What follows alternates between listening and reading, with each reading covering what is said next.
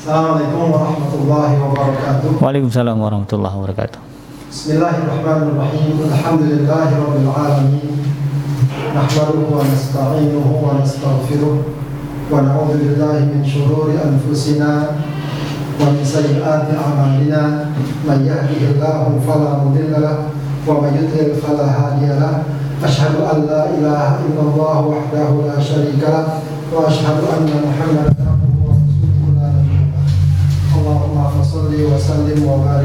Ala sayyidina Muhammadin wa ala alihi wa ashabihi wa man tabi'ahum bi ihsan ila yaumiddin amma ba'd. Sahabat hadirin yang dimuliakan Allah Subhanahu wa taala, alhamdulillah di sore hari ini, di hari Jumat, di hari yang barokah dan di waktu yang insyaallah uh, mustajabah ya, kita mohon kepada Allah semoga uh, kehidupan kita selalu dilimpahkan keberkahan dan keridhaan Allah Subhanahu wa taala kepada kita sekalian. Amin ya rabbal alamin. Uh, sahabat tadi yang dimuliakan Allah Subhanahu wa taala, kita akan lanjutkan kajian kita uh, membahas hadis-hadis yang terkandung dalam kitab Al-Arba'in An-Nawawiyah. Kita masuk pada al-hadis tsamin wal hadis yang ke-28 ya. Langsung saja kita baca hadisnya. Bismillahirrahmanirrahim. An Abi Najih atau Nujai Al-Irbad bin Sariyah radhiyallahu anhu qala wa'adana Rasulullah sallallahu alaihi wasallam mau'izatan wajilat minhal qulub wa darafat minhal uyun. Faqulna ya Rasulullah ka'annaha mau'izatu muwaddi'in fa'usina qala usikum bitaqwallahi azza wa jalla wat-ta'ati wa in ta'ammaru 'alaikum 'abdun فإنه من يعيش منكم فسيرى اختلافا كثيرا فعليكم بسنتي وسنة الخلفاء الراشدين المهديين عضوا عليها بالنواجذ وإياكم ومحدثات الأمور فإن كل محدثة بدعة وكل بدعة ضلالة. رواه أبو داود والترمذي وقال حديث حسن صحيح. Yeah. An Abi Najih Al-Irbad dari Abi Najih Al-Irbad bin Sariyah radhiyallahu anhu dia berkata Wa'adana Rasulullah sallallahu alaihi wasallam ya Rasulullah menasihati kami memberikan mau'izah kepada kami mau'izatan wajilat min hal kulub dengan satu nasihat yang membuat hati terasa gentar wadarofat min hal uyun dan air mata bercucuran Ya, fakulna maka kami mengatakan ya, kata para sahabat ya Rasulullah ka'annaha mau'idatu muwaddi' wahai Rasulullah ini seakan-akan merupakan nasihat dari orang yang ingin berpisah. Fa'usina ya, maka berilah kami nasihat berilah kami wasiat.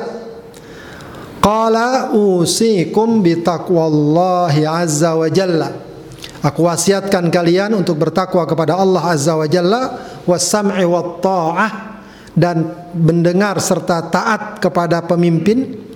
Wa in ta'ammaru alaikum abdun meskipun yang memimpin kalian adalah seorang budak.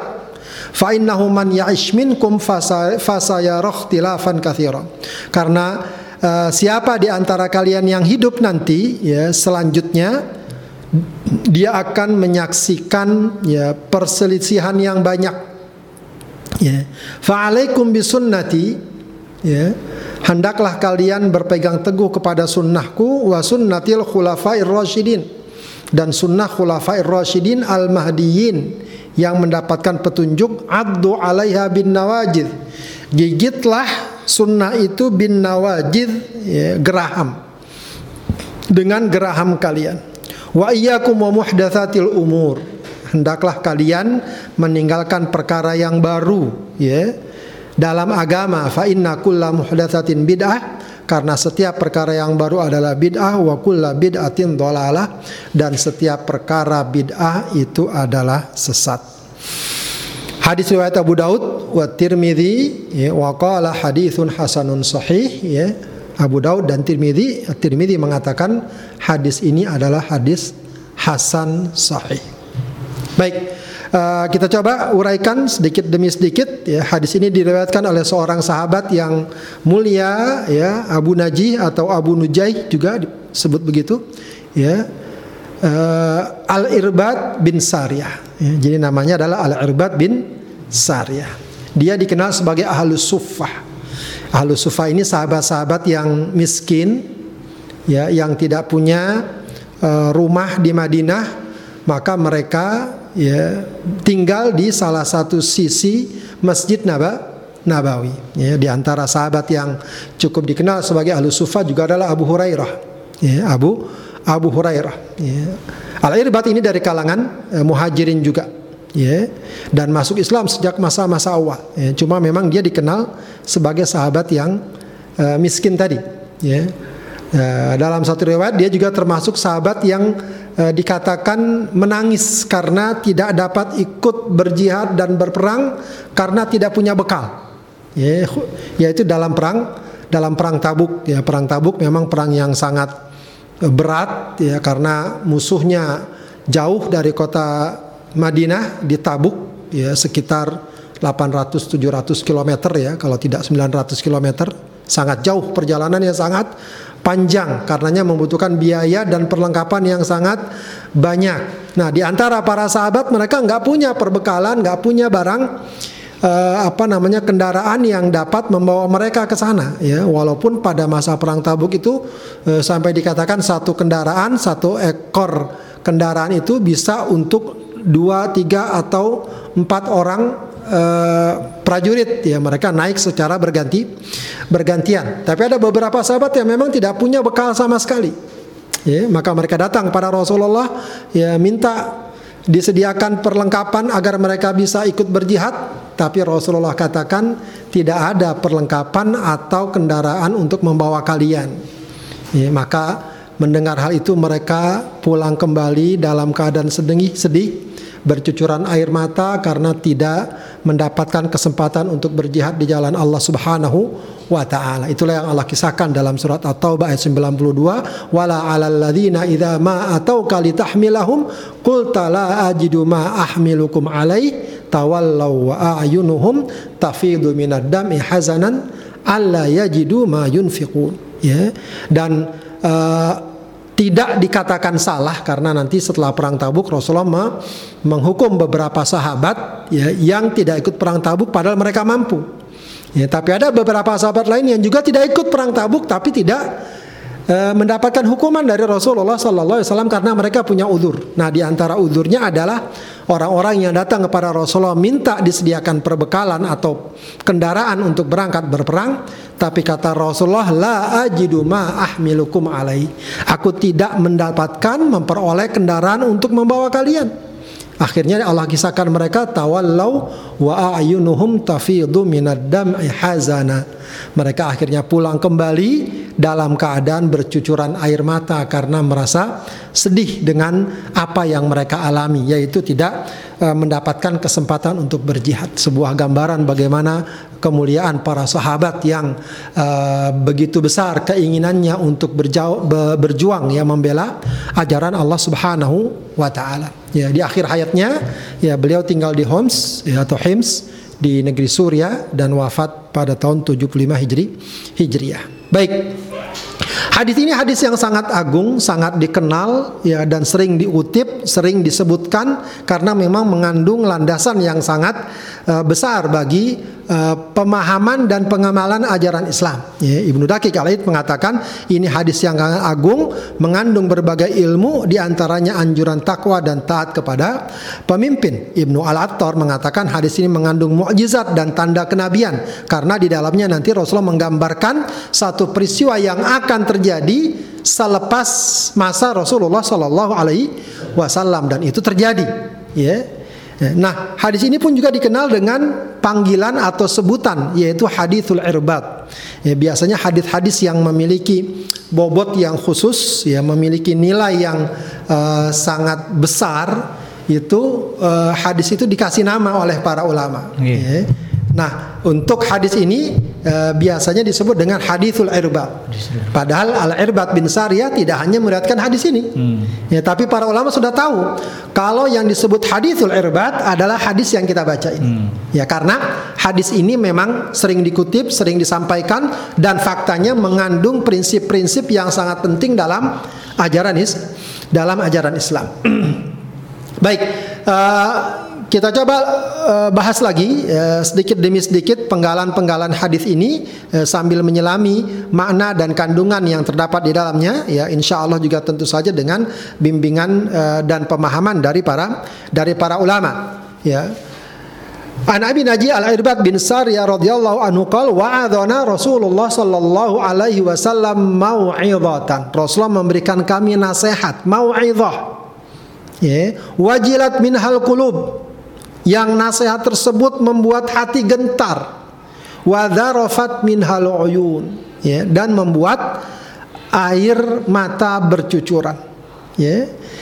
Uh, sahabat yang dimuliakan Allah, mau'izah, ya, nasihat itu merupakan salah satu bentuk dakwah ya yang uh, sangat penting ya yang intinya adalah bagaimana mengutuk hati kita bagaimana membangun dan menghidupkan jiwa kita untuk termotivasi melaksanakan ajaran Allah Subhanahu wa taala, menjalani ketakwaan.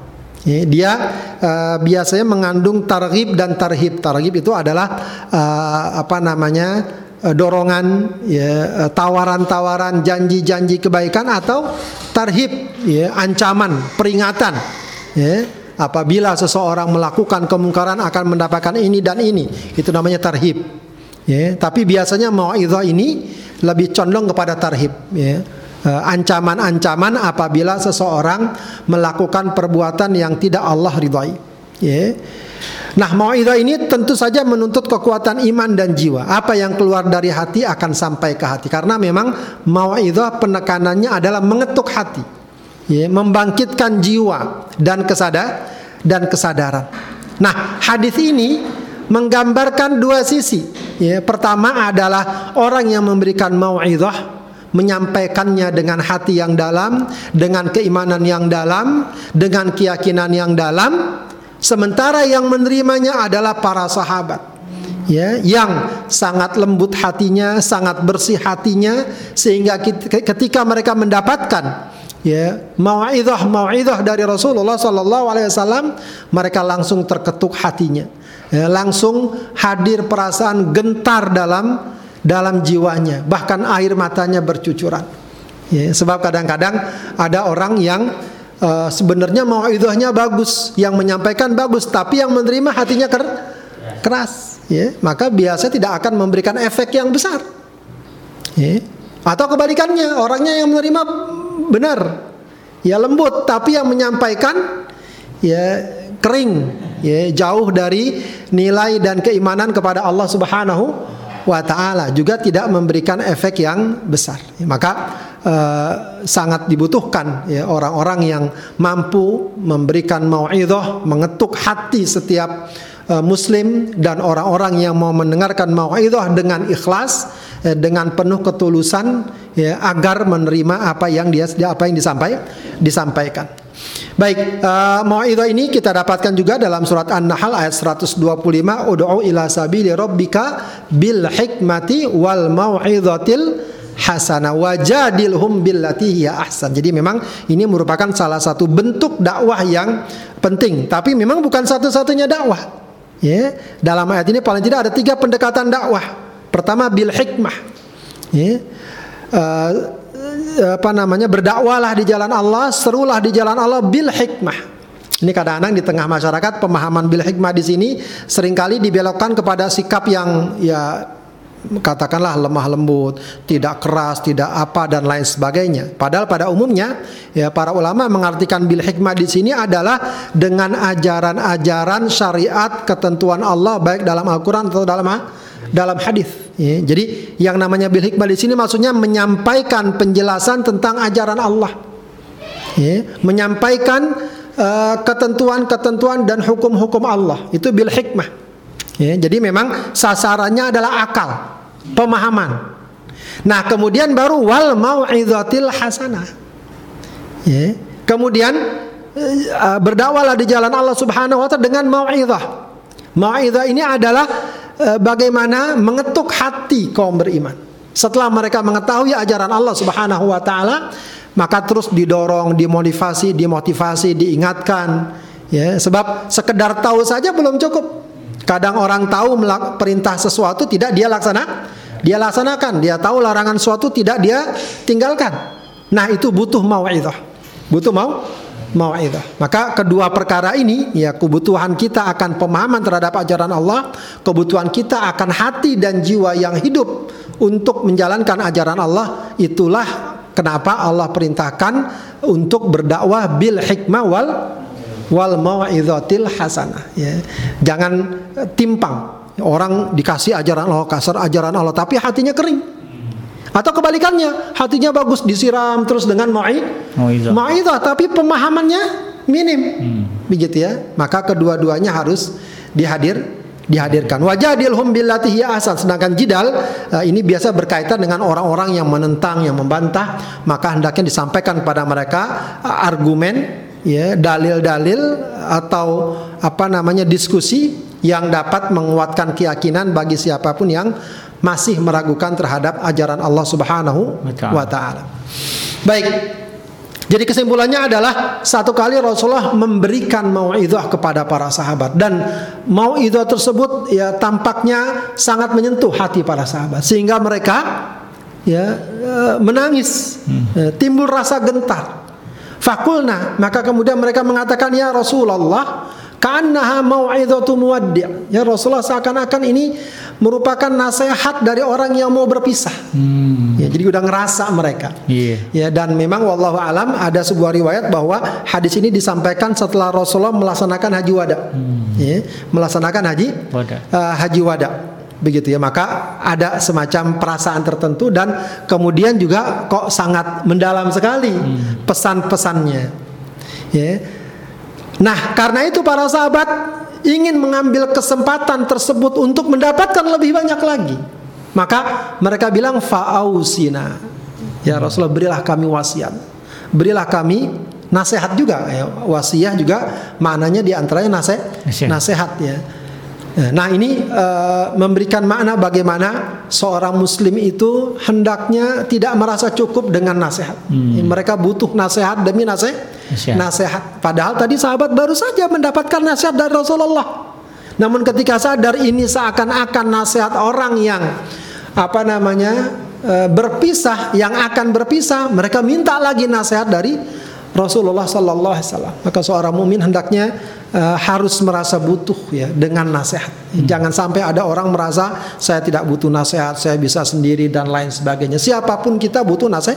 Nasihat. Nasihat. Para nabi pun membutuhkan nasihat. Mereka selalu dinasihati oleh Allah Subhanahu wa taala. Maka kita butuh nasihat. Sering kita lupa, sering kita lalai. Ya, kadang kita malas, kadang kita eh, futur, kadang kita tergelincir. Nah, kita membutuhkan nasihat Nasihat. nasihat. Nah, kemampuan seseorang untuk untuk terus menerima nasihat itu akan banyak membantunya untuk tetap berada di jalan Allah. Ya, hadis ini juga memberikan makna bagaimana kedekatan kita dengan orang-orang mulia, dengan orang-orang saleh. Ya kalau dulu para sahabat dengan Rasulullah, ya kalau kita setidaknya dengan para ulama, dengan orang soleh. Hendaknya tidak hanya cukup, oh, saya dekat sama si Fulan, saya dekat sama kiai ini, saya dekat sama ustadz ini. Tidak cukup hanya sampai di situ, tapi bagaimana mereka dapat mengambil ilmunya, dapat mengambil pelajaran dari darinya. Ya. Maka sering dalam berbagai riwayat dalam uh, kajian beberapa hadis kita pun juga para sahabat datang pada Rasulullah minta nasihat, minta nasihat. Ya, artinya apa? Eh, bagaimana kedekatan kita dengan para ulama, para guru, para kiai hendaknya berbanding lurus dengan upaya kita untuk terus mendapatkan ilmu, ya, pelajaran-pelajaran eh, dari para ulama tersebut. Ya, karena warisan para ulama yang paling besar tak lain merupakan il- Ilmu. ilmu. Sebagaimana Rasulullah mewariskan ilmu pada para ulama, maka hendaklah kita mendapatkan warisan yang telah Rasulullah berikan pada mereka itu berupa il, berupa ilmu. Baik. Ketika para sahabat tadi bertanya, "Usikum apa ausina ya Rasulullah?" Maka para Rasulullah menjawab, "Usikum bitaqwallah." Ini, aku wasiatkan kalian untuk bertakwa kepada Pada Allah Subhanahu wa taala. Maka wasiat yang terbaik pemimpin kepada pengikutnya, guru kepada muridnya, orang tua kepada anaknya, siapa pun ya, kepada saudaranya tak lain wasiat yang paling baik adalah wasiat tak Takwa. takwa. Ya, maka Rasulullah sering ya memberikan pesan untuk bertakwa kepada Allah Subhanahu wa taala. Dalam surat An-Nisa 131 Allah mengatakan walaqad wassaynal ladzina utul kitaba min qablikum wa iyyakum anittaqullah. Ya, dan ini merupakan wasiat Allah juga ya buat umat sebelum kita dan buat kita. Ya, kata Allah telah kami wasiatkan, sungguh telah kami wasiatkan kepada mereka yang telah diberikan Alkitab sebelum kalian wa iyyakum dan juga untuk kali kalian. Apa wasiat Allah? Anit taqullah. Bertakwalah kepada Allah, kepada Allah. Dan hadis sebelumnya yang sudah kita baca, ittaqillah haitsu ma kunta wa atbi sayyi'atal hasanata tamhuha wa khaliqin nasa bi khuluqin hasanin. Maka uh, perhatikan wasiat ini ya, kalau kita uh, ingin memberikan wasiat kepada bawahan kita, kepada murid kita, kepada anak kita, maka wasiat terbaik adalah bertakwa kepada Allah. kepada Allah Subhanahu wa taala. Meskipun bisa jadi bahasanya uh, diungkapkan dengan bahasa yang uh, berbeda misalnya hendaklah kamu jaga sholat kamu, kamu jaga sikap dan perbuatan kamu, jauhi maksiat, ya laksanakan perkara-perkara yang wajib terutama dan juga jangan tinggalkan perkara-perkara yang sunnah dan lain sebagainya dan lain sebagainya yang ujungnya adalah bagaimana kita kemudian dapat bertakwa kepada Allah Subhanahu Wa ta'ala. Baik, kemudian wasiat Rasul disambung lagi, ditambah lagi wasam'i wat. Dan hendaklah kalian mendengar dan taat. Ya. Maksudnya apa? Mendengar dan taat kepada para pemimpin. Hmm. Ya. Kepada para pemimpin dalam kehidupan kita bermasyarakat, apalagi bernegara, maka tidak mungkin tidak di sana pasti ada pemim- pemimpin. Ya. Nah, pemimpin ini umumnya tentu saja sangat dibutuhkan untuk menjaga keteraturan, kebersamaan, ya keharmonisan dalam kehidup dalam kehidupan. Ya. Yang walaupun mungkin saja di sana sini pasti banyak kekurangan, tapi jelas adanya pemimpin atau adanya kepemimpinan itu jelas jauh lebih baik daripada tidak ada pemimpin. Tidak ada pemimpin. Ya, ya namanya manusia pastilah mungkin ada kekurangan. Tapi katakanlah nggak ada pemimpin siapa yang memimpin kita? Kita harus merujuk ke mana? Mana pegangannya? Tidak, tidak bisa. Artinya kalau seandainya kehidupan bermasyarakat tidak ada pemimpin maka kehidupan akan kacau balau. Hmm. Ya. Dengan adanya kepemimpinan setidaknya semua anggota masyarakat punya rujukan, punya patokan dalam berbagai kehidupan masyarakat. Masyarakat. Nah, salah satu pilar yang sangat penting dalam hal ini adalah bagaimana setiap anggota masyarakat, ya setiap warga ya menghadirkan ketaatannya kepada pemimpin pada pemimpin. Bahkan Rasulullah katakan wa in ta'ammaru alaikum abdun. Walaupun yang memimpin kalian seorang budak. Ya, dalam fikih Islam, ya seorang budak itu nggak boleh jadi pemimpin. Hmm. Ya, Seorang budak tidak boleh jadi pemimpin. Pemimpin. Pemimpin. Ya, dia harus merdeka dulu. Hmm. Merdeka baru jadi pemimpin. Ya, tapi Rasulullah gambarkan wa in ta'ammaru alaikum abdun. Para ulama mengatakan ini eh, menggambarkan betapa kuatnya penekanan bagaimana setiap masyarakat untuk taat kepada pemimpin Pemimpin. kepada pemimpin. Dan ini juga tentu dikuatkan dalam surat An-Nisa 59 ya ayyuhalladzina amanu atiullaha wa atiur rasul wa ulil amri Minkum. minkum. Taati Allah, taati rasulnya dan pemimpin kali pemimpin kalian ya meskipun memang para ulama mengatakan dan ini juga merujuk kepada hadis Rasulullah sallallahu alaihi wasallam ya bahwa taat kepada pemimpin ya tentu dibatasi dengan satu sikap yaitu selama tidak diperintah kepada masih Maksiat. kepada maksiat. Jika perintahnya, ketentuannya di dalamnya tidak ada maksiat, Hmm. maka taat. Ya. Walau mungkin eh, bukan perkara yang ditetapkan secara secara detail dalam syariat.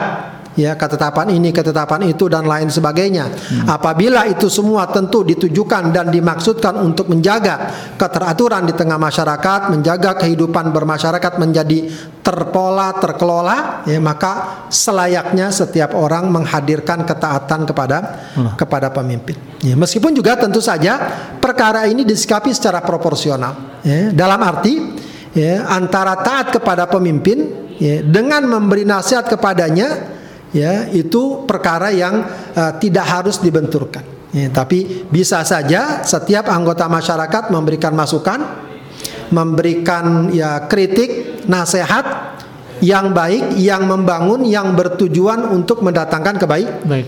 kebaikan. Ya kemarin juga sudah kita bahas hadisnya terkait dengan nasihat, termasuk nasihat yang diperintahkan adalah ya apa namanya eh, nasihat kepada para pemimpin dan kepada masyarakat secara um, secara umum. Ya. Dalam hadis muttafaq alaih Rasulullah mengatakan alal mar'il muslim as-sam'u wa ta'ah fi ma ahabba wa kariha. Seorang muslim harus dengar dan taat kepada pemimpin baik terkait dengan perkara yang dia suka atau tidak dia suka. Ya. Illa ayyu marobi ma'siyah kecuali kalau diperintahkan untuk bermasi bermaksiat. Fa in amara bi ma fa in umira bi ma'siyatin fala sam'a wala. Kalau seandainya seseorang diperintahkan kepada maksiat maka tidak ya wajib ditaati, tidak wajib didengar dan tidak wajib dita ditaati. Ya. Sementara tuntutan untuk memberikan nasihat juga telah diajarkan ya, ya uh, oleh Rasulullah sallallahu alaihi wasallam. Ya ketika Rasul ditanya uh, terkait nasihat liman ya, lillahi wali rasuli wali kitabi wali aimmatil muslimina wa ammatihim. Ya, nasihat untuk Allah, Rasulnya dan kitab-kitabnya dan kepada para pemimpin dan masyarakat umum. Di antara nasihat pada para pemimpin adalah mendorongnya di jalan kebaikan dan memberikan eh, nasihat, ya, teguran ya, apabila terdapat kekeliruan dan pelanggaran pelanggar dan pelanggaran pelanggaran. Dalam hadis riwayat Muslim Rasulullah mengatakan innallaha yardha lakum salatan. Allah ridho kepada kalian tiga perkara wa yaskhatu salatan dan dia juga benci kepada kalian tiga perkara. Yardha lakum an ta'buduhu wa bihi syai'a. Allah ridho kalau kalian beribadah kepadanya dan tidak menyekutukannya. Wa in wa anta atasimu bihablillahi jami'an wa la tafarraqu dan agar kalian berpegang teguh kepada tali Allah dan tidak bercerai-berai. Wa antanasahu man wallahu amrakum. Dan agar kalian saling menasihati kepada siapa yang telah Allah berikan ya kepemimpinan tentang urusan kalian atau kepada pemimpin kalian. Begitu. Allah ridho. Kalau kita suka memberikan uh, nasihat kepada uh, pemimpin wa lakum. Ya, tapi juga Allah benci kepada tiga kali kepada kalian tiga perkara. Kila wa qala. Kila wa qala ini berita-berita yang enggak berdasar gosip dan semacamnya. Wa idaatil mal. Wa idaatal mal. Ya, dan menyia-nyiakan harta buang menghambur-hamburkan harta. Wa kasratas soal dan juga suka meminta. Suka meminta atau juga suka bertanya pada hal-hal yang tidak dibenar tidak dibenarkan. Ya Abu Bakar Siddiq radhiyallahu an terkenal dalam khutbahnya ketika dia diangkat menjadi khalifah di antara isi khutbahnya dia mengatakan fa in ahsantu fa'inuni. Kalau aku berbuat baik ya, maka bantulah bantulah aku. Wa in asatu faqawwimuni. Kalau aku berbuat buruk maka luruskanlah luruskanlah aku. Beginilah uh, sebuah gambaran yang indah ya. Bagaimana rakyat dituntut untuk taat dan cinta kepada pemimpin ya namun di sisi lain bentuk ketaatan dan kecintaannya juga rakyat memberikan masukan-masukan yang baik kepada pemimpin Pemimpin. pemimpin sementara pemimpin juga begitu semestinya ya ketaatan dan kecintaan rakyatnya hmm. disikapi dengan apa dengan upaya terbaik dan sungguh-sungguh untuk memberikan hal yang terbaik kepada rakyatnya Iya. Ya, jangan sampai ketaatan dan kecintaan dieksploitir. Ya. Kadang-kadang ada gambaran karena memang tahu bahwa dalam ajaran Islam ini rakyat disungguh diberitakan taat. Iya. Ya, seharusnya itu digunakan untuk melakukan kebaikan kebaikan kepada ra Rakyat. pada rakyat. Ya. Tapi sebaliknya, ya justru yang ada dalam mengeksploitir lalu rakyat diancam, rakyat harus taat. Hmm. Ya, kalau tidak akan ada ancaman Rasulullah. Dia lupa bahwa ketika dia berbuat zolim, ancaman Rasulullah kepada dia jauh lebih besar. Ya, artinya apa? Ketaatan rakyat harus ya, disikapi oleh setiap pemimpin untuk betul-betul memperhatikan kepentingan mereka, Mereka. kepentingan mereka. Ya, bukan sekedar kepentingan dirinya, kelompoknya dan siapa pun yang eh, dianggap kolega dan lain sebagainya. Hmm. Begitu ya. Dan kalau mendapatkan nasihat, mendapatkan teguran, ya disikapi dengan lapang dada, Dada. dengan lapang dada. Jika itu memang benar, tidak ada salahnya untuk mengevaluasi. Kalaupun tidak benar, anggaplah itu sebagai sebuah masukan, diberikan klarifikasi dengan sebaik-baik, Baik. dengan sebaik-baik. Jadi, dengan kondisi seperti ini, maka suasana akan kondu, Kondusif. akan kondusif. Ya. Baik. Nah, eh, wasiat Rasulullah tentang dua perkara ini, ya, wasiat takwa kepada Allah dan wasiat taat kepada ulil amri, ya, inilah sesungguhnya sebuah gambaran yang selayaknya dimiliki oleh setiap muslim. Yaitu bagaimana dia selalu dituntut untuk menjaga penghambaannya kepada Allah, ketakwaannya, hubungan yang baik kepada Allah. Di sisi lain, dia pun dituntut untuk menjaga kehidupan bermasyarakat dan bernegara dengan ba- Baik. dengan baik. Ya. Maka kalau kita perhatikan ya, eh, kalau kita perhatikan dengan jujur, sebenarnya orang-orang Muslim itu di mana pun juga, ya, mereka akan menghadirkan dua sisi ini. Di satu sisi mereka taat pada Allah, ibadah, ketaatan, ya ka- katakanlah gambarannya rajin ke masjid dan seterusnya. Iya. Di sisi lain sebenarnya mereka adalah orang-orang yang dalam hidup bermasyarakat dan bernegara insya Allah bukan orang-orang tipikal orang-orang yang sebagian orang sekarang digambarkan radikal lah, pemberontak, teroris. Itu tidak ada dalam tradisi seorang muslim. Tidak ada. Kalaupun ada lebih banyak kepada stigma ya dan ya penggiringan opini yang memang ya dilakukan oleh sebagian pihak. Iya. Tapi tipikal seorang muslim itu nggak begitu. Iya. Tipikal seorang muslim taat kepada Allah, taat kepada syariat dan juga siap hidup bermasyarakat dan bernegara dengan baik. Karena kaidah dasar kita adalah memang begitu. Kita taat pada Allah, taat kepada pemimpin. Betul. Ya, taat kepada pemimpin. Makanya di mana pun juga kaum muslimin itu ya, di negeri-negeri Islam adalah orang yang paling terdepan kalau udah urusan bela negara. Kalau sudah urusan tentang ketaatan kepada pemimpin, pemimpin. Yang penting apa? Jangan dikhianati, gitu aja kan. Yang penting jangan Iya. jangan dikhianati. Ya, jangan dibohongi. Ya, jangan dizoli, Dizolimi. dizolimi. Kalau itu sudah dilakukan insya Allah, nggak perlu diminta sekalipun. Ya, kaum muslimin insya Allah lihat eh, bagaimana ya kalau dari di negara kita ya kemerdekaan negeri ini Wih. bagaimana peran para ulama Besar. bagaimana peran para santri siapa yang gaji mereka Betul. dibayar nggak mereka berjuang Tidak. nggak ya mereka itu yang kalau namanya urusan cinta negara taat kepada pemimpin sudah. Ya jadi eh, sebenarnya ini bukan perkara yang dibuat-buat tapi memang sudah menjadi landasan dasar setiap muslim landasan dasar setiap setiap muslim bahwa kita ini sejak awal sudah diajarkan oleh Rasulullah sallallahu alaihi wasallam untuk taat kepada Allah, menjadi muslim yang baik, taat menjalankan syariatnya dan taat juga menjadi warga negara yang baik. Ya, jadi jangan dibentur-benturkan. Seakan-akan kalau orang taat kepada syariat, wah ini cikal bakal nih. ini bahaya nih. Berontak. Ini ancaman nih tidak. Tidak begitu seorang muslim. Ya. Dan sejarah pasti menunjukkan hal seperti Iya. hal seperti itu. Selagi ya, asal jangan dikhianati. Asal jangan dizoli, Zolimi. dizolimi. Insya Allah seorang muslim adalah orang yang betul-betul memahami bagaimana seharusnya dia beriman dan bagaimana seharusnya dia bermasyarakat dan bernegara Bernegara. dan bernegara. Kemudian Rasulullah mengatakan fa innahu man ya'ish minkum fasayara ikhtilafan katsira. Ya, inilah yang tadi disebut oleh para ulama bahwa hadis ini mengandung mukjizat Rasulullah sallallahu alaihi wasallam atau nubuwah Rasulullah sallallahu alaihi wasallam ya di mana Rasulullah di antara keistimewaannya adalah tentu saja atas izin Allah, atas ilmu dari Allah ya dapat menyampaikan berba- berbagai macam peristiwa yang akan terjadi Iya. yang akan terjadi yang sangat mungkin pada zaman Rasul di tengah para sahabat nggak kebayang kalau suatu saat di tengah masyarakat mungkin ter- terjadi perselisihan. Hmm. Kalau kita mungkin karena udah ngelihat ya, Iya. sehingga kita anggap ya memang udah dari dulu begitu.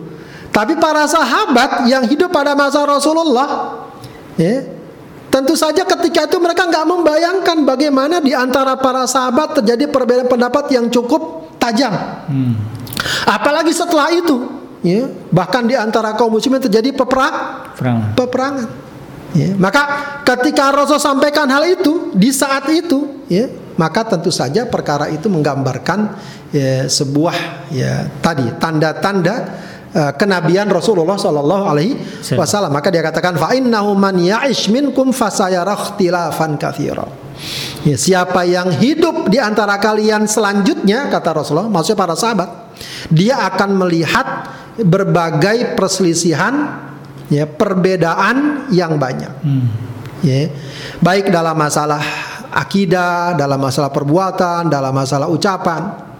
Ya, tentu saja dalam masalah kemasyarakatan, politik juga terjadi terjadi dan itu yang memang terjadi terjadi terjadi ya khususnya sejak masa uh, Uthman bin Affan dan kemudian Ali bin Abi Thalib dan berikutnya pada masa kekhalifahan uh, Bani Umayyah ya uh, para sahabat yang masih ada sempat melihat terjadinya perselisihan yang terja terjadi. Yang terjadi.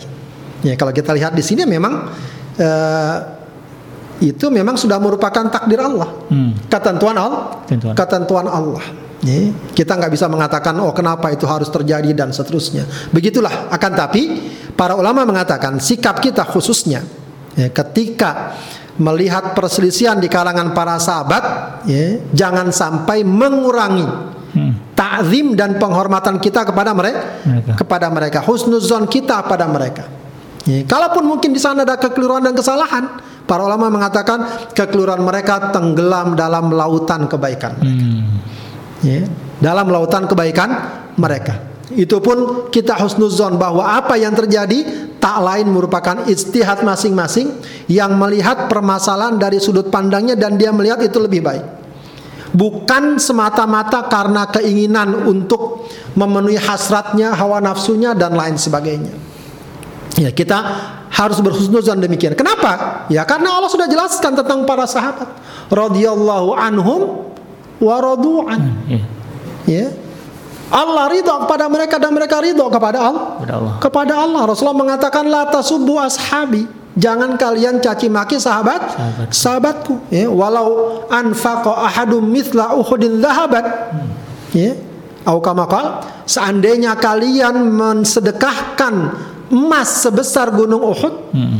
apa kata Rasulullah ma balagha mudda ahadin wala nasifahu enggak akan sampai kebaikan yang kalian lakukan tadi sedekah sebesar gunung Uhud emas hmm. ya Bayangin emas bukannya tanah. Hmm, banyak tuh. Ya. Kita jangankan Gunung Uhud ya. Sekilo aja nggak kebayang. Kalaupun punya belum tentu mau disedekahin kan? Iya. Ya. Kalaupun ada kita bersedekah emas sebesar gunung Uhud kata Rasulullah apa? Kebaikan yang kita dapatkan itu nggak sampai satu mut kebaikan mereka. Masya Allah, banyak. Setengahnya pun enggak. Lalu gimana kemudian kita misalnya berani-berani mencela, menista para sah, para sahabat. Ya, ada satu ungkapan yang sangat indah dari Umar bin Abdul Aziz, ya, radhiyallahu an.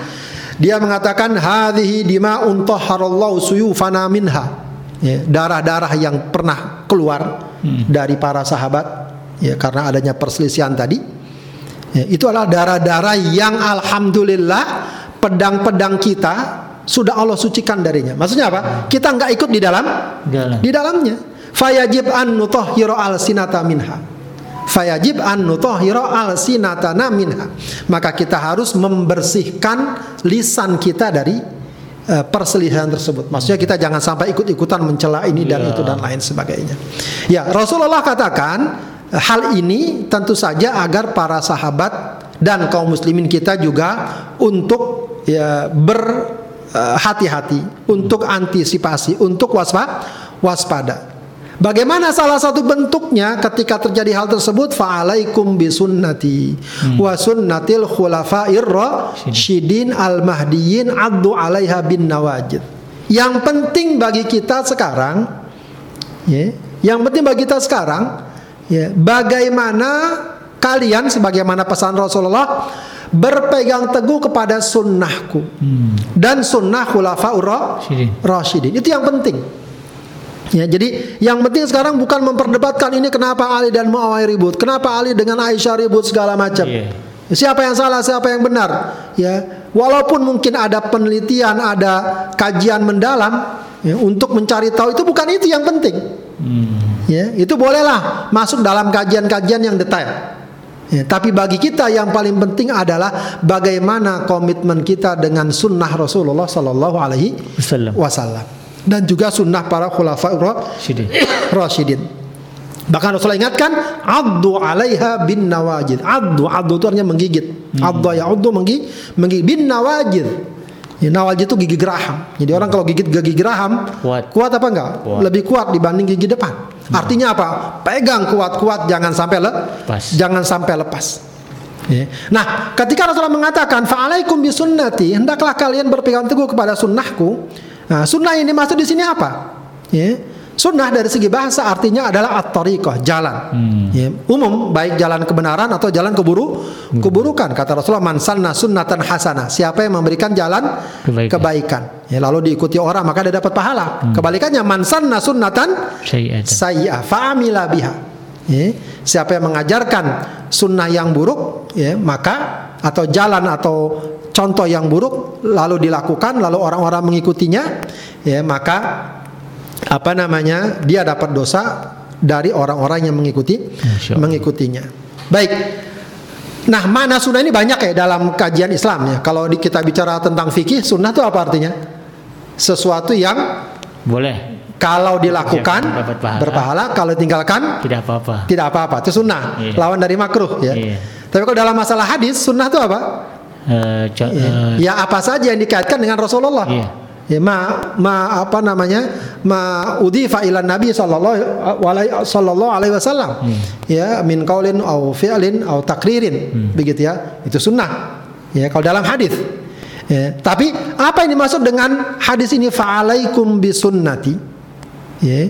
Yang dimaksud yang para ulama katakan terkait dengan hadis ini fa'alaikum bisunnati adalah hendaklah kalian berpegang teguh kepada prinsip dan ajaran Rasulullah secara utuh. hmm. Ya. Dan itu harus menjadi panduan kehidupan orang yang beriman. Jadi panduan kehidupan kita seorang beriman atau boleh dikatakan panduan keberagamaan kita adalah tentu merujuk kepada prinsip-prinsip ajaran-ajaran pokok yang telah digariskan oleh Rasulullah Sallallahu. Sallallahu Alaihi Wasallam. Ya, jadi sunnah di sini lebih kepada pedoman manhaj ya, kehidup, Kehidupan. kehidupan. Ya, artinya eh, apa saja yang kita kaitkan dengan Islam, dengan ajaran Islam secara umum, maka hendaklah kita merujuk kepada sunnah Rasulullah Sallallahu Alaihi Wasallam. Ya. Ibnu Rajab Al-Hambali mengatakan kalangan salaf dahulu memahami sunnah sebagai pemahaman yang utuh tentang petunjuk dan ajaran yang berkaitan dengan keyakinan, amalan dan perbuatan. Ya dari sini kita memahami istilah ahlus sunnah. Hmm. Jadi kalau dikatakan ahlus sunnah itu apa? Ya pemahaman sederhananya adalah orang yang selalu mengembalikan setiap eh, ajaran kehidupannya dalam beragama merujuk kepada sunnah Rasulullah Sallallahu Alaihi Wasallam. Ya, artinya itu menjadi pokok utamanya. Ya, bukan kepada ajaran yang lain, bukan kepada logika, bukan kepada uh, perkara-perkara lain. Bagaimana dia sholat, bagaimana dia beribadah, maka rujukan adalah sunnah Rasulullah Sallallahu Alaihi Wasallam. Ya, dan dalam Al-Quran ya, cukup banyak ya hal itu di, dikuatkan dalam surat An-Nisa 115 Allah katakan wa may yushakikir rasul min ba'di ma tabayyana lahul huda wa yattabi sabila wa yattabi ghaira sabilil mu'minin nuwalli ma tawalla wa nuslihi jahannam. Siapa yang menyelisih Rasulullah setelah jelas petunjuknya lalu mengikuti jalan selain jalan orang mukmin maka kami akan palingkan dia dan kami akan masukkan dia ke dalam neraka jahannam. Jahannam. Wa may yuti'ir rasul wa may yuti'illah war rasul fa ulaika ma'al ladzina an'amallahu alaihim. Siapa yang taat pada Allah dan Rasul, maka mereka akan dikumpulkan bersama orang-orang yang Allah beri nikmat dari kalangan nabi, as-siddiqin, asyuhada was was-solihin. Baik, itu sunnah Rasulullah. Ya. Bagaimana dengan khulafaur rasyidin? Fa'alaikum bisunnati wa sunnatil khulafa ir-rasyidin. Ya, siapakah al-khulafaur rasyidin? Para ulama sepakat bahwa ini masuk khulafaur rasyidin ya, adalah khalifah yang empat, Abu Bakar, Umar, Utsman dan Ali. Ali. Dari mana hal ini kemudian disimpulkan? Ya, disimpulkan dari uh, gambaran yang umum Iya. ya, bagaimana masa kekhalifahan mereka masih ya menjalani apa yang telah Rasulullah gariskan secara umum. Di samping memang ada riwayat Ahmad dan Abu Daud, Rasulullah mengatakan al khilafatu fi ummati thalathuna sanah. Ya, thumma mulkun ba'da dzalik. Ya, kekhilafahan ya tentu saja dengan uh, manhaj kenabian itu 30 tahun. Masanya 30 Hmm. tahun. Kemudian setelah itu masa kerajaan. Jadi ini juga meru- merupakan bagian dari nubuah Rasulullah SAW. Ya sebab apa? Ya memang secara garis besar dari masa Abu Bakar, Umar, Utsman dan Ali itu masa 30 tahun. 20 tahun. 30 tahun ya Abu Bakar 2 tahun Umar 10 tahun Utsman 13 tahun Ali 5 tahun Hmm. kalaupun kemarin kita bahas termasuk ditambah lagi dengan Al Hasan bin Ali Iya. yang beberapa bulan sehingga persis 30 tahun 30 tahun. 30 tahun itulah yang disebut dengan al, al, al khulafaur rasyidun dan karenanya ulama ahlussunnah wal jamaah sepakat bahwa yang dimaksud al khulafaur rasyidun adalah ya, keempat khalifah tersebut ya, keempat khalifah tersebut akan tapi ya, pemahamannya di sini ketika Rasulullah mengatakan dengan sunnah khulafaur rasyidin bukan berarti mereka punya sunnah sendiri punya ajaran sendiri di samping ajaran Rasulullah Sallallahu Alaihi Wasallam tidak. Justru sunnah mereka adalah memahami, mentaati dan menjalani ajaran Rasulullah. Ya, jadi seakan ingin dikatakan kalau benar, pengen benar anda beragama, maka rujuklah sunnah Rasulullah dan rujuklah sikap pengamalan dan pemahaman para khulafur rasyidin. Bagaimana mereka menjadikan sunnah Rasulullah sebagai pedoman mereka dalam beragama, Beragama. dalam beragama, begitu ya. Jadi jangan oh, eh, seakan-akan kita gambarkan ini ada sunnah Rasul, ini ada sunnah khulafur rasyidin tidak. Hmm. Ya, tapi mereka ya semuanya tanpa terkecuali adalah orang-orang yang besar dan sangat ya besar concern dan komitmennya kepada sunnah Rasulullah Shallallahu Alaihi Wasallam. bahkan mereka lah yang boleh dikatakan menjaga dan melindungi sunnah Rasulullah hingga eh, disampaikan dan terus sampai kepada kita secara secara estafet dari satu generasi kepada generasi Berikut. berikutnya ya. Maka hadis ini ya juga merupakan salah satu landasan dalam konsep ahlu sunnah wal jamaah yang dicetuskan para ulama salaf sebagai pedoman beragama yang benar Hmm. yaitu apa merujuk kepada prinsip-prinsip ajaran yang dibawa oleh Rasulullah Sallallahu Alaihi Wasallam berdasarkan pemahaman dan pengamalan salafus soleh Hmm. Jadi wal Jamaah yang sederhana pemahamannya adalah bagaimana keberagamaan kita itu merujuk ya kepada sumber yang asli dan awal yaitu ajaran Rasulullah. Tentu saja termasuk Al-Qur'an di dalamnya. Ya, jadi kalau ada orang mengatakan gimana kita puasa, gimana kita zakat, gimana kita haji, bagaimana kita berkeluarga menurut Islam, rujukan utamanya adalah ajaran Rasulullah. Rasulullah. Cuma bagaimana memahaminya, mengamalkannya, menjalankannya, kita lihat bagaimana salafus soleh melakukan Melakukan. melakukannya. Jadi ada semacam guide petunjuk bagaimana kita dapat mengamalkan dan menjalankan ajaran Rasul. Tidak langsung kita pahami hadis sudah, pokoknya ini kesimpulan saya. Tidak, ya tapi eh, kita ikuti bagaimana para salafus soleh memahami semua itu, ya kemudian merumuskannya dan sampai kepada kita. Ya, maka kalau kita sekarang belajar bagaimana sholat, bagaimana puasa, ya bagaimana haji, bagaimana kita berkeluarga, ya itu umumnya setelah para ulama sudah apa namanya eh, sudah mengkajinya, lalu merumuskannya sehingga kita tinggal melaksanakannya sebagaimana yang telah diajarkan Rasulullah Sallallahu Alaihi Salam. Sebab kalau kita langsung mengkajinya berat. Hmm. Ya, kita kan tahu misalnya wudhu, ya, rukun wudhu ada berapa? Ada enam misalnya. Ya, itu nggak dijelaskan dalam Al-Quran. Rukun wudhu ada enam, tidak. Iya.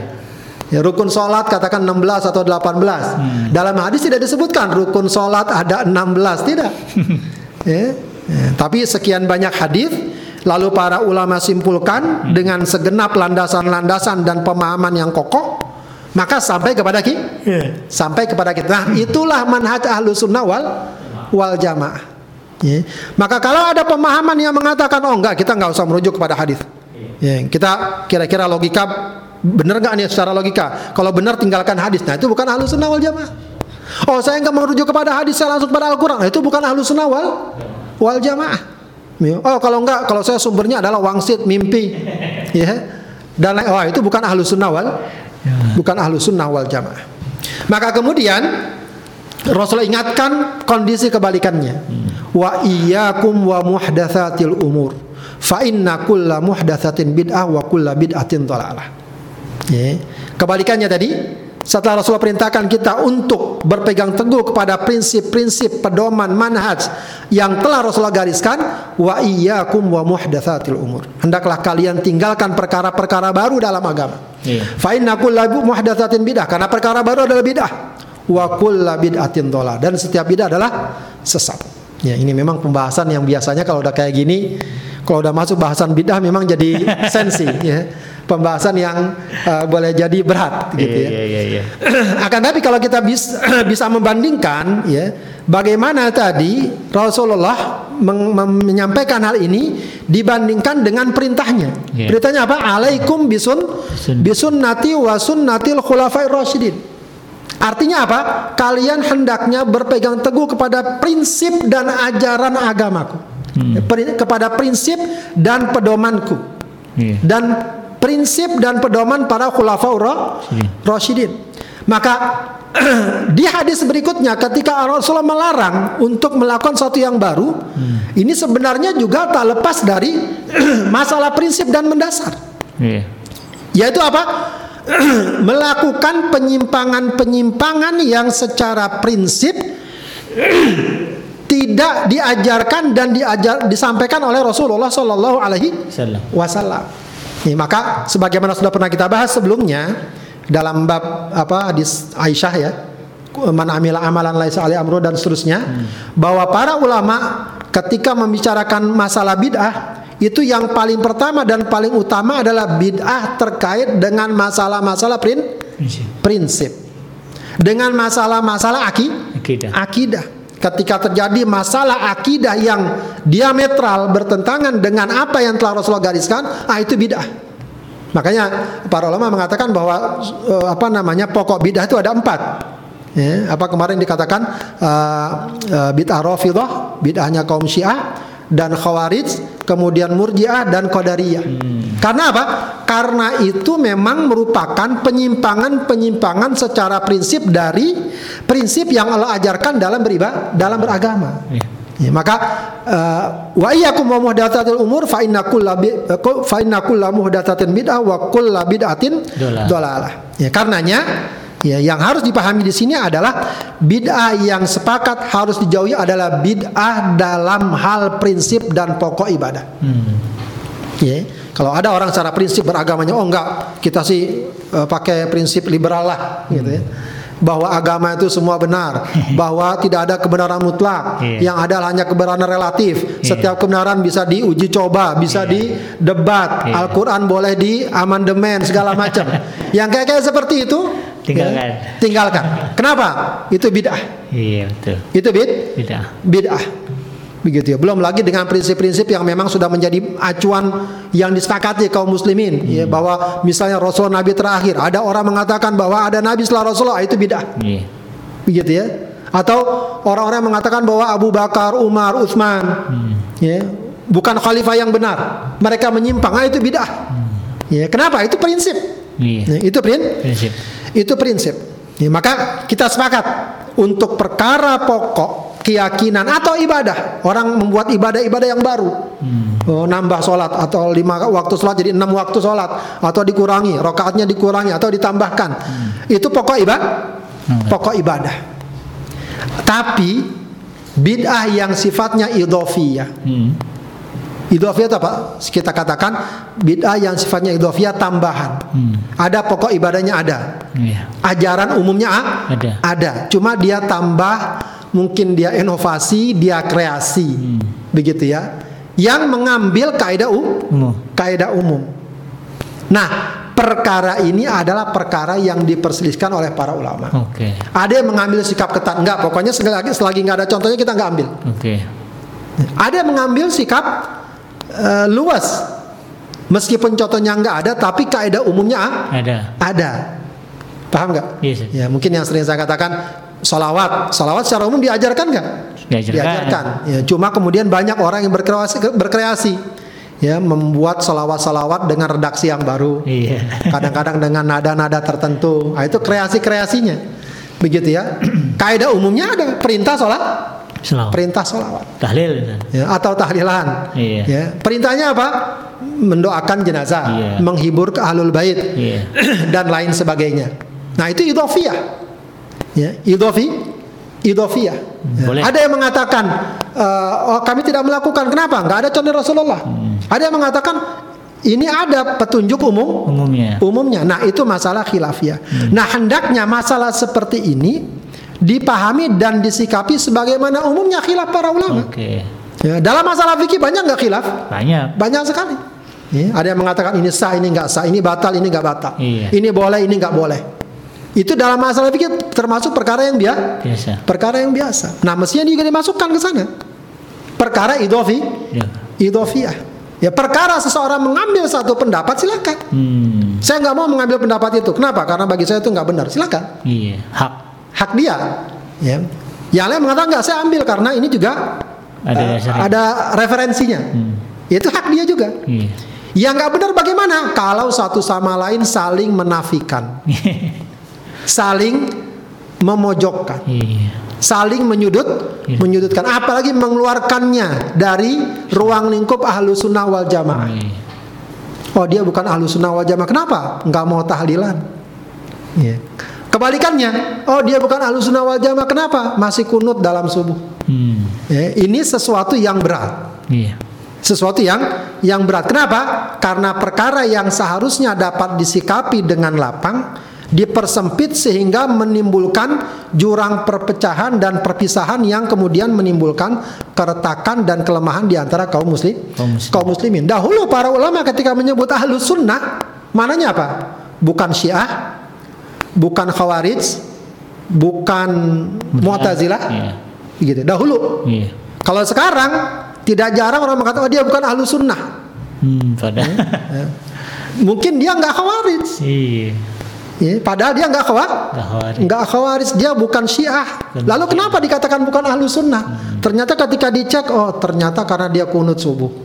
Lalu dibilang bukan ahlus Sunnah. sunnah. Atau ternyata dicek ketika dicek, oh dia nggak mau ikutan tahlilan, dibilang bukan Ahlus sunnah. sunnah. Ini artinya apa?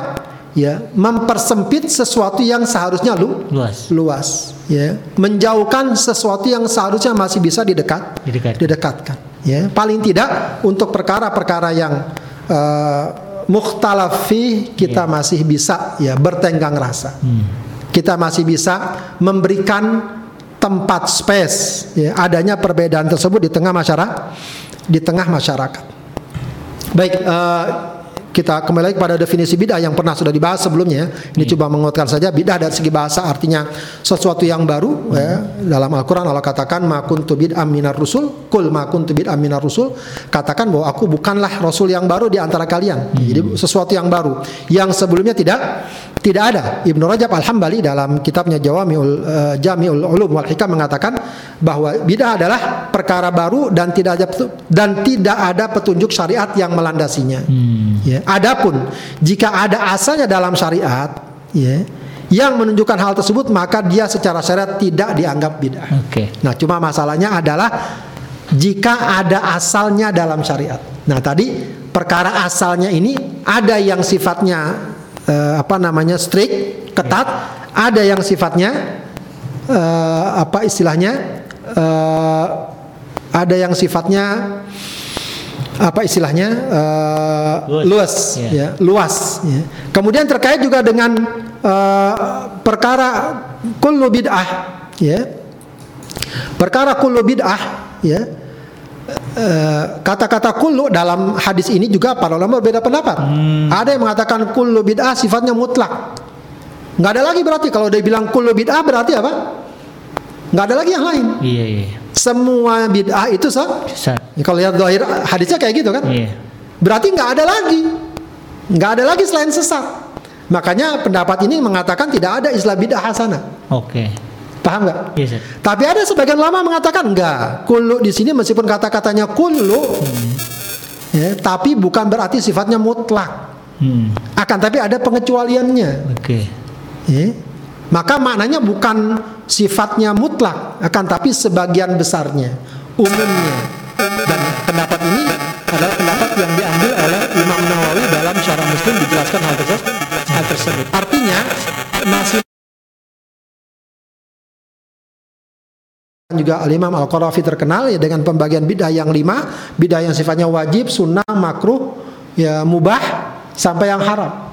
Jadi ada yang sifatnya wajib sekalipun, meskipun pembahasan itu akan sangat pan- Panjang. akan sangat panjang. Ya, sehingga eh, sebenarnya eh, dari segi penafsiran dari hadis ini pun juga ada eh, perbedaan sudut pan Sudut pandang. eh, sudut pandang ya bahwa eh, mungkin sekali ada eh, penjabaran tentang makna bidah yang memang bisa beragam interpretasi, interpretasi dan sudut pandangnya.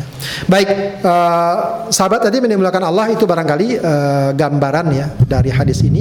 Intinya adalah sebenarnya eh, sebagaimana eh, kita dapat tangkap dalam pelajaran eh, hadis ini yaitu eh, kita eh, diajarkan tentang pentingnya nasihat, kemudian keutamaan berdekat-dekat dengan orang soleh dan mengambil ilmunya. Kemudian pentingnya empat wasiat Rasulullah bertakwa kepada Allah, taat kepada pemimpin, berpegang teguh kepada sunnah Nabi, dan meninggalkan bid Bid'ah. bid'ah. Dan keempat menjaga kebenaran prinsip-prinsip beragama dan menghindari dari penyimpa Penyimpangan. dari penyimpangan.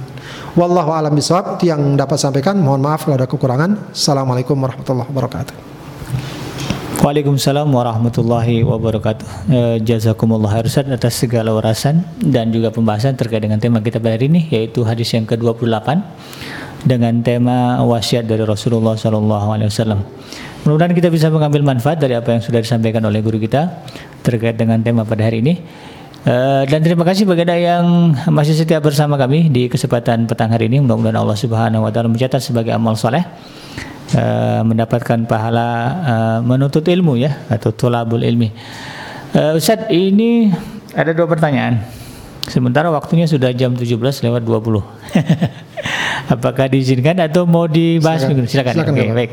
Ustaz sudah izinkan berarti akan saya lanjutkan sampai tuntas. Baik Ustaz, ini ada dua pertanyaan. Yang pertama dari akun atas nama Inai Liu 1 dan juga atas nama nih Media Syahidah. Pertanyaan yang pertama nih, Ustaz dari Ina akun atas nama Inai Liu. Assalamualaikum Ustaz. Salah satu yang tidak disukai oleh Allah Subhanahu wa taala adalah bertanya tentang sesuatu yang tidak dibenarkan. Mohon penjelasannya Ustaz seperti apa? Ya, eh, pembahasan ini sudah disinggung ya dalam hadis ya. sebelumnya. Ya. Ya, inama ahlaka man kana qablakum ikhtilafu ala anbiya'ihim wa, kasratu masalahim wa ikhtilafihim ala anbiya'ihim. Iya. Ya. Seringnya kalian bertanya di antara perkara yang eh, membinasakan atau mencelakakan umat sebelum kalian. Ya, jadi ada beberapa pertanyaan yang eh, tidak diperintahkan dan tidak dibenarkan. Pada dasarnya orang kalau bertanya ingin mendapatkan ilmu itu malah diperintahkan. Iya. Ya, Fasalu ahla dzikri in kuntum La ta'lamun. la ta'lamun. Ya, tapi ada model pertanyaan yang dilarang. Hmm. Pertama, pertanyaan yang ya eh, terlalu jauh, misalnya bertanya tentang hakikat Allah bagaimana dan semacamnya. Iya. Itu pertanyaan yang tidak dibenarkan. Iya. Ya, cukup kita bertanya tentang sesuatu yang ada dan tampak dan kita tahu. Hmm. Bagaimana Allah, bagaimana sungguhnya dan seterusnya itu tidak eh, dianjurkan. Hmm. Ya. Kemudian juga bertanya bukan untuk tahu tapi untuk eh, menghindar malah. Oke. Dia bertanya agar semakin misalnya ada alasan untuk tidak melakukannya. Oke. Ya ini eh, pertanyaan yang eh, cukup dikenal pertanyaan orang-orang Bani Israel ketika Nabi Musa perintahkan untuk Menyembelih sapi. menyembelih sapi. Ya ditanya warnanya apa, bentuknya gimana. Itu pertanyaan-pertanyaan yang sebetulnya pengen bukan pengen tahu, tapi lebih kepada menghindar dan memang menentang Nabi, Iya. menentang nabinya. Ada juga bertanya sekedar untuk ya kalau bahasanya sekarang ngetes oh ini bagaimana orangnya pintar apa enggak dan lain sebagainya. Bukan sekedar ingin tak, bukan sekedar ingin tahu. Pertanyaan-pertanyaan yang eh, seperti itu yang eh, Tidak tidak, boleh. dibenarkan. Wallahu a'lam. Baik, mudah-mudahan bisa dipahami oleh penanya kita di atas nama akun Inai Liu di channel YouTube. Dan pertanyaan kedua Ustaz dari akun atas nama media Syahidah. Ustaz untuk bid'ah terhadap prinsip dan pokok ibadah Apakah kita perlu menyebutnya sebagai bid'ah atau langsung saja nih kita sebut saja aliran sesat atau ajaran sesat? Gimana Ustaz? Ya tidak mengapa, bagus. Ya, kalau memang itu yang lebih familiar dan lebih eh, tepat, itu bagus. Ya. Dan wallahu alam, saya juga lebih condong mengungkapkan itu sebagai bid'ah juga, agar orang tidak terlalu fokus masalah Iya, iya, bid'ah iya, iya, iya. dengan perkara-perkara yang diributkan di tengah masyarakat, Masyarakat. yang sering diributkan. Artinya kalaulah mereka berbicara bid'ah dengan perkara-perkara pokok ini, Ya. maka uh, akan lebih tampak begitu ya. Betul. Sebab sekarang ini orang jadi sangat alergi dengan masalah bid'ah Iya. karena perkara-perkara yang disampaikan sebenarnya bukan masalah-masalah prinsip. Iya. Ya, tapi kalau saya perkara bid'ah diarahkan kepada perkara-perkara prinsip, ya, masalah aliran-aliran sesat dan lain sebagainya, orang jadi punya gambar oh bid'ah itu memang ini yang harus dijauhi. Iya. Dan dahulu para ulama menyebut bid'ah itu seperti itu. Oke. Jadi kalau para ulama menyebut ahlul bid'ah, itu maksudnya adalah orang-orang yang secara prinsip beragama sudah menyimpang. Oke. Ya, jadi kalau disebut ahlul bid'ah ya lawannya ahlus sunnah. Hmm. Ya tadi ahlul bid'ah, apakah khawarij, apakah syiah, apakah Syiah. eh, mu'tazilah, ya. Qadariyah. Qadariyah itu yang dimaksud dengan ahlul Al-Sunnah. Ahlul bid'ah. Tapi itu istilah saja. Iya. Kalau sekarang mau dikatakan sebagai uh, sesat. golongan sesat, aliran sesat, pemahaman sesat, iya, Iya. ya itu benar. Wallah, Jadi lebih kepada mengubah persepsi Ustaz ya. iya mengubah Jadi persepsi ini selama ini kita sempit atau terlalu luas mungkin kan? Ya kita persempit lah terkait dengan bid'ah ini. Ustaz ini pertanyaan saya pribadi Ustaz. terkait dengan uh, pemimpin Ustaz, uh, ketaatan kepada pemimpin. Seandainya ada di antara kita kaum muslimin yang berhijrah ke negeri-negeri yang pemimpinnya jelas-jelas non muslim Ustaz. Ini ketaatan seperti apa Uh, atau bagaimana memaknai hadis tadi? nggak berhijrah itu apa maknanya dia betul-betul ninggalin negaranya atau Iya, misalnya pindah ke warga negaraan karena menikah dan sebagainya. Ah, saya kira itu tidak mengapa ya. Itu masalah-masalah yang wajar kalau dia misalnya menikah atau apa begitu ya. Selagi di tempat yang baru dia masih dapat melaksanakan ajaran-ajaran Islam yang utama. Ya misalnya dia dapat sih dia masih bisa membawa identitas Islamnya Iya. mengha- menampilkan keyakinan Islamnya. Oke. dia masih bisa melaksanakan ajaran-ajaran utamanya entah sholat dan lain sebagainya. Maka hal itu tidak mengapa. Tidak Ya, tidak mengapa. Itu bukan bagian dari kita meninggalkan pemimpin eh, tidak ya. Karena mungkin ada apakah mungkin dagang apakah Iya. belajar apakah berkeluarga Iya. dan lain sebagainya dan lain lain sebagainya. Yang yang nggak boleh itu kalau betul-betul kita pengen keluar meninggalkan pemerintah atau pemimpin karena kita misalnya pengen misah aja begitu ya. Alergi lah. alergi lah apa itu. Itu enggak tidak tidak diajarkan. Justru kita diajarkan untuk bersabar ya menghadapi itu semua dan berusaha untuk memperbaiki Oke. sedapat mung- sedapat mungkin. Kecuali kalau di tempat yang baru misalnya ya, kita tidak dapat melaksanakan eh, keyakinan dan ajaran kita khususnya perkara-perkara prinsipnya. Nah itu baru tidak tidak boleh kalau hal itu terjadi. Justru yang ada adalah kalau orang berada di negeri tersebut dan dia tidak dapat mengamalkan ajaran Islam di dalamnya justru dia harus harus hijrah. Begitu ya. Yang harus kelu- keluar bukan kita masuk ke sana. Begitu ya. Tapi kalau kita di sana ya dan keberadaan kita di sana justru memberikan efek yang baik Iya. bisa menyampaikan dakwah dan lain sebagainya bagus malah tidak masalah. Yang penting kita kuatkan azam kita begitu ya wallahu a'lam Jadi mudah-mudahan ini tidak mempersempit atau memperkecil perasaannya eh, saudara-saudara kita yang berada di negeri-negeri non Muslim ya. Insya Allah ya Allah sudah menetapkan pahala bagi kita semua. Baik Ustadz sebelum kita akhiri tolong eh, berikan kami nasihat eh, atau penutup Ustadz dari pertemuan kita atau closing statement terkait dengan tema wasiat dari Rasulullah SAW. Silakan Ustadz. Baik, eh, sahabat tadi yang dimuliakan Allah Subhanahu wa taala, sekali lagi kita katakan bahwa hadis ini hadis yang sangat penting sekali, ya hadis yang menggambarkan tentang prinsip-prinsip keberagamaan kita dan sikap kita dan juga sekaligus menggambarkan tentang eh, bagaimana sejatinya seorang muslim ya, yang eh, harus menjaga hubungan-hubungan yang baik baik kepada Allah Subhanahu wa taala atau dalam kehidupan bermasyarakat Bermasyarakat. bermasyarakat. Ya, Jika ini semua kita pegang dan kita laksanakan, maka tentu saja akan memberikan efek yang sangat besar dan sangat positif dalam kehidupan dalam kehidupan kita. Itu saja barangkali. Mudah-mudahan bermanfaat. Assalamualaikum warahmatullahi wabarakatuh. Waalaikumsalam warahmatullahi wabarakatuh. Demikianlah kebersamaan kita dalam program Ngaji From Home edisi kajian Kitab Hadis Al-Arba'in An-Nawawiyah bersama guru kita Al-Ustaz Abdul Haidar LC. Mudah-mudahan Allah Subhanahu wa taala memberikan kesehatan kepada beliau, memudahkan urusan dan juga meluaskan pintu rezekinya. Amin ya rabbal alamin. Dan doa yang sama juga bagi kita semua, mudah-mudahan Allah Subhanahu wa taala menjaga kita dari berbagai macam bentuk eh, bencana, musibah dan juga wabah ya yang sedang melanda sekarang. Dan semoga uh, di lain kesempatan kita akan bertemu insya Allah kita akan bertemu kembali pada hari Selasa. Jadi akan rutin kita adakan di Selasa petang dan juga di Jumat petang. Mudah-mudahan Allah memberikan kekuatan kita uh, kepada kita untuk menghadiri uh, majelis-majelis salim atau majelis-majelis pengajian. Baik sahabat dan sekalian, Uh, untuk itu saya Bikenji beserta kru yang bertugas dalam program Ngaji From Home edisi kali ini uh, pamit undur dari ruang dengar Anda. Mohon maaf atas segala kekurangan. Jangan lupa saksikan berbagai program dan acara yang ada di iDream Radio. Insya Allah semuanya bisa mendatangkan kebaikan kepada kita semuanya. Saya tutup dengan bacaan hamdalah alhamdulillahirabbil alamin serta doa penutup majelis subhanaka allahumma rabbana wa bihamdika asyhadu an la ilaha illa anta astaghfiruka wa atubu billahi taufiq wal hidayah. Assalamualaikum warahmatullahi wabarakatuh. Di tengah pandemi COVID-19 ini, tenaga medis di seluruh dunia berjibaku menangani para pasien yang tumbang terinfeksi virus. Di kota Depok, Jawa Barat sendiri, sejak Maret hingga April 2020, sudah ada kurang lebih sebanyak 73 kasus terkait dengan COVID-19 ini. Beberapa rumah sakit kota Depok yang menangani kasus COVID-19 harus terus bertahan walau pasien dengan kasus COVID-19 terus berdatangan. Lelahnya para tenaga medis tentunya tidak dapat mereka elakkan, hanya apresiasi dan rasa hormat yang dapat kita berikan kepada mereka. Oleh karena itu, Lazaka Sukses dan Kitabisa.com bersama dengan PD Salim Kota Depok memberikan apresiasi berupa pemberian 1.200 bantuan makanan siap santap dan bergizi untuk tenaga medis di Kota Depok. Dan juga mereka sangat berharap pandemi ini dapat berakhir dengan cepat supaya semuanya dapat beraktivitas normal seperti sedia kala. Saya Dewi Hazima melaporkan dari Depok untuk ZSTV.